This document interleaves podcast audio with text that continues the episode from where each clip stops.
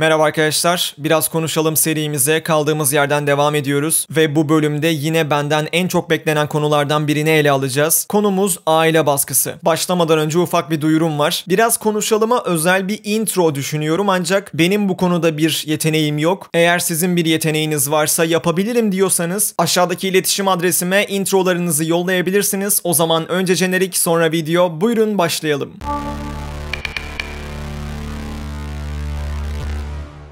Evet konumuz aile baskısı. Kuşkusuz birçok insanın hayatının belli dönemlerinde maruz kaldığı bir şey psikolojik olarak insanı etkileyen yani bunun fiziksel tarafı da var ancak o şiddet boyutuna girdiği için konumuza dahil etmeyeceğim. Burada tamamen bu baskının psikolojik yönünü konuşacağız. Başta bir karakterleri tanımamız lazım. Sonrasında neden böyle bir şey olur? Neden insanlar oğullarına, kızlarına, çocuklarına psikolojik şiddet uygularlar? Bunu anlamamız lazım. Bu konuda kesinlikle ebeveynlerinizin ebeveyn ebeveynlerinin tutumu çok önemli. Biliyorum birazcık garip bir cümle oldu ama ailenizin ailesi desem daha doğru olur. Onların zamanında sizin anne babanıza uyguladığı psikolojik şiddet çok önemlidir. Çünkü kişi eğer kendini eğitemezse bunun direkt olarak bir yansımasını kendi anne babanıza görebilirsiniz. Diyelim ki bir çocuk düşünelim. Tamamıyla hayatı boyunca anne babasından şiddet görmüş. Çok yüksek ihtimalle. O çocuk ileride çocuklarına şiddet uygulayacak. Herhangi bir psikoloğa gidin. Bunu çok net göreceksiniz. İlk olarak sizden tabi olaya göre değişir ama çocukluk anılarınızı isteyecek. Nasıl bir çocukluk geçirdiniz? Nasıl bir evde doğdunuz ve neler yaşadınız? Bunlar gerçekten kişinin psikolojisine doğrudan etki eden çok önemli etmenler. Buna bağlı olarak anne ve babanızın hangi evden geldiği, neler yaşadığı çok önemlidir. Ve zaten sizlere bunu şöyle anlatırlar. Bak senin şu anda elinde telefonlar var, bilgisayarlar var, şu şekilde imkanlar var. Ancak ben küçükken bunları yapamazdım. Ben senin yaşındayken falanca işte çalışıyordum. Ben senin yaşındayken şöyle zorluklar çekmiştim. Ben bunları çektim o yüzden sen de çekmelisin. Ben zamanında böyle bir şey gördüm o zaman sen de bunu görmelisin. Türkiye'de birçok ailede böyle durumlar var. Aileler bunları kötü amaçla yapmıyor olabilir. Atıyorum der ki bir baba oğluna oğlum sabahtan akşama kadar işte oyun oynuyorsun git bir zanaat öğren şurada çalış eve ekmek getir çünkü zamanında ben bunu yapmıştım. İşte aileler tam bu noktada bir şeyi kaçırıyorlar. Onların zamanıyla bizim zamanımız tam tam da onların dediği gibi kesinlikle bir değil. Evet anne baba sen 40 yıl önce çalışıyordun. Doğru. 1980'lerde senin çalışman gerekiyordu. Ancak şu an 2021 yılındayız ve benim amaçlarım farklı, yapabileceklerim farklı. Önümüzdeki teknolojik imkanlar farklı. Kendi babamdan örnek vereceğim. Ben YouTube'a tamamıyla kendi isteğimle başladım. Hiçbir şekilde birinin baskısı, isteği hiçbir şey olmadı. Zaten bu da saçma olurdu. Sonra üzerinden zaman geçti ve yine kendi çabamla bir yerlere geldim. Annem babama şu konuda çok şey demiştir. İşte bu çocuğu bir yerlere gönderelim, hayatı öğrensin. YouTube'la hayat geçmez. Bildiğiniz zanaat öğrensin kafası. Ancak bakılması gereken açı bu değil. Evet eve bir getirim yoktu. Çünkü çok az miktarda paralar kazanıyordum. Ancak uğraştığım şey 40-50 yaşındaki bir insana göre garip gelse de geleceğin en önemli mesleğiydi. Ve babam o gün bunu görüp şöyle demişti. Hayır bu çocuğu bir yere göndermenin mantığı yok. Bu çocuk bu işi yapıyor, bu işi yapmayı seviyor. Bunu düzgün yapıyor, yapabiliyor gerçekten. O yüzden bırakın da çocuk istediğini yapsın. Babam mesela bu konuda beni en çok destekleyen insanlardan biriydi. Ve şu an geldiğimiz noktada kim olursa olsun babama çıkıp vay be sen haklıymışsın diyebilir. Çünkü durumlar böyle. 30 yıl önceki kafayla şu anki durumu değerlendirmek doğru bir şey değil. Ve tam bu noktada çok fazla ebeveynin yaptığı durum bu. Evet aslında bu buzdağının görünen tarafı diyebiliriz baskı konusunda. Çünkü bir de görünmeyen tarafı var ve benim de asıl gelmek istediğim nokta burası. Aramızdan da birçok arkadaşın istediği gibi dışarı çık çıkamadığını, arkadaşlarıyla eğlenemediğini, çünkü sürekli bir baskı altında olduğunu biliyoruz. Aileler ne kadar koruyucu bir mantıkla bunu yapsa da aslında çocuğa ne kadar zarar verdiklerini bilmiyorlar. Bir anne bir baba diyor ki benim kızım istediği gibi her yere gidemez, hatta hiçbir yere gidemez, evinde otursun falan filan. Evet sevgili ebeveyn, kızına gerçekten de fiziksel bir zarar gelmedi. Ancak olayın psikolojik boyutunu kimse düşünüyor mu? Kaç tane çocuk sırf bu gibi nedenlerden dolayı asosyal oluyor ve asosyallik cinsellik günümüzün en büyük hastalıklarından bir tanesi. Bunu kaldıramayan çocuklar işlerini gizli saklı yapmaya başlıyorlar. Çünkü o da bir insan ve arada gerçekten çıkıp dağıtmak istiyor. E izin yok, istediği yerlere gidemiyor. Ne oluyor? İzinsiz bunu yapıyor. İllegal yollardan. Bu sefer de ebeveyn ve çocuk arasında bir iletişimsizlik meydana geliyor. O değil de kendimi bu podcast'te psikolog gibi hissettim. Çok garip. Her neyse konuşmaya devam ediyorum. İyi gidiyoruz bence. Çocuğuna herhangi bir zarar gelmemesi için sokağa salmayan anneler bu sefer çocuğun çocuğuna ya da babalar en büyük zararı vermiş oluyor. Hem psikolojik açıdan hem de ahlak açısından. Çünkü çocuk istemeden yalancı konumuna düşüyor. Yine kendi ailemden örnek vereceğim. Çünkü başka verebileceğim bir örnek yok kusura bakmayın. Benim ailem bu konuda gerçekten öpüp başa koyulası bir aile. Çünkü böyle konularda hayatım boyunca hiç sıkmadılar. Bunun da başını babam çeker bu arada. Çok teşekkürler baba. Ben 9-10 yaşlarındayken belki biraz daha büyük olabilirim. Hadi 11 deyin. Esenler'den Bayrampaşa'ya gidiyordum idmanlar için. O dönem Bayrampaşa Spor'da oynuyordum. Ve işte tek bir minibüste gidilebiliyor bizim evden Bayrampaşa'ya. Ancak beni annem götürüyordu. Çünkü dediğim gibi ufağım yani 10 yaşında falandım. Birazcık götürdü annem ve sonra babam dedi ki bu çocuğu bırak. Senin götürmene gerek yok. Bu çocuk kendi gidebilir, bir şeyleri öğrenebilir. Ve ben 10 yaşında ne kadar böyle inanılmaz uzak bir yol olmasa da kendim minibüse binmeyi, para vermeyi, bir yerlere oturmayı, insanlara yer vermeyi, birçok şeyi öğrendim. İdmandan çıktığımızda bazen başka yerlere gidiyorduk, keşfediyorduk. Evet başımıza belki fiziksel olarak bir bela gelebilirdi. Geldi de haraç kesen oldu, başka şeyler oldu. Ancak bunlar hayatın gerçekleri. Ve ben bunları ufak yaşlarda öğrendim. Peki baskıyla büyüyen onca çocuk bunları asla öğrenemediler. Ve bir gün böyle bir şeyle karşılaştıklarında ne yapacaklarını bilmiyorlar. Açıkçası yarın yurt dışına gideceğim desem babama gerçekten hiçbir şey demez. Yeterli param var mı? Gerekli evraklarım var mı? Falan filan yani bakacakları şeyler bunlar. Onun dışında onlara ulaşabileyim gerisinin çok bir önemi yok. Burada şunu da demiyorum.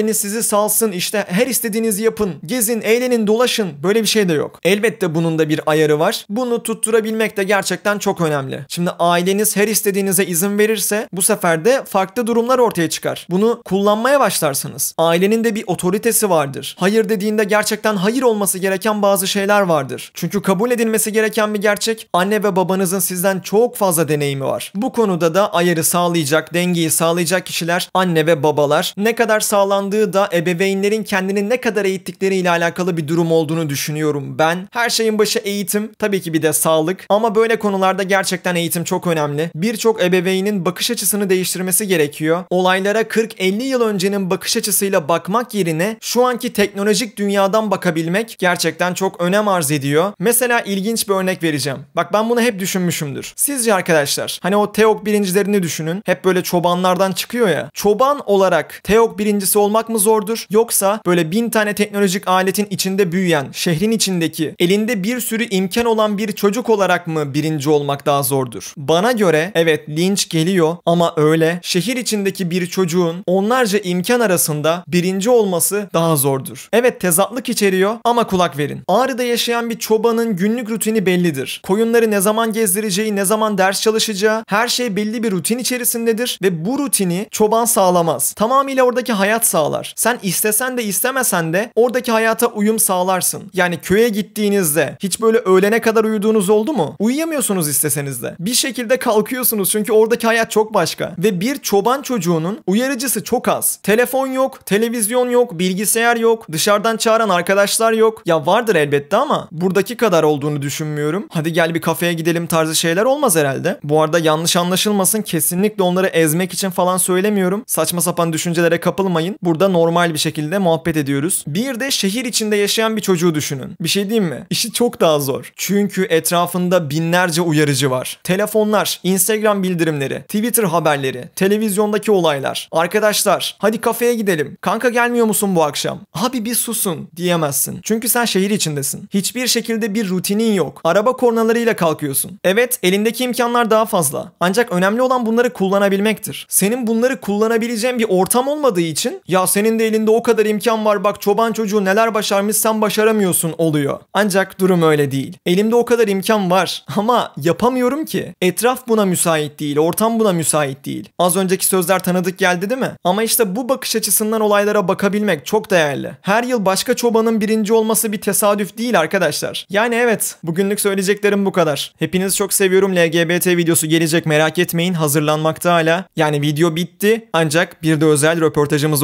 olacak. O videoyu da bekleyin. Kendinize iyi bakın. Yarın görüşürüz. Hoşçakalın.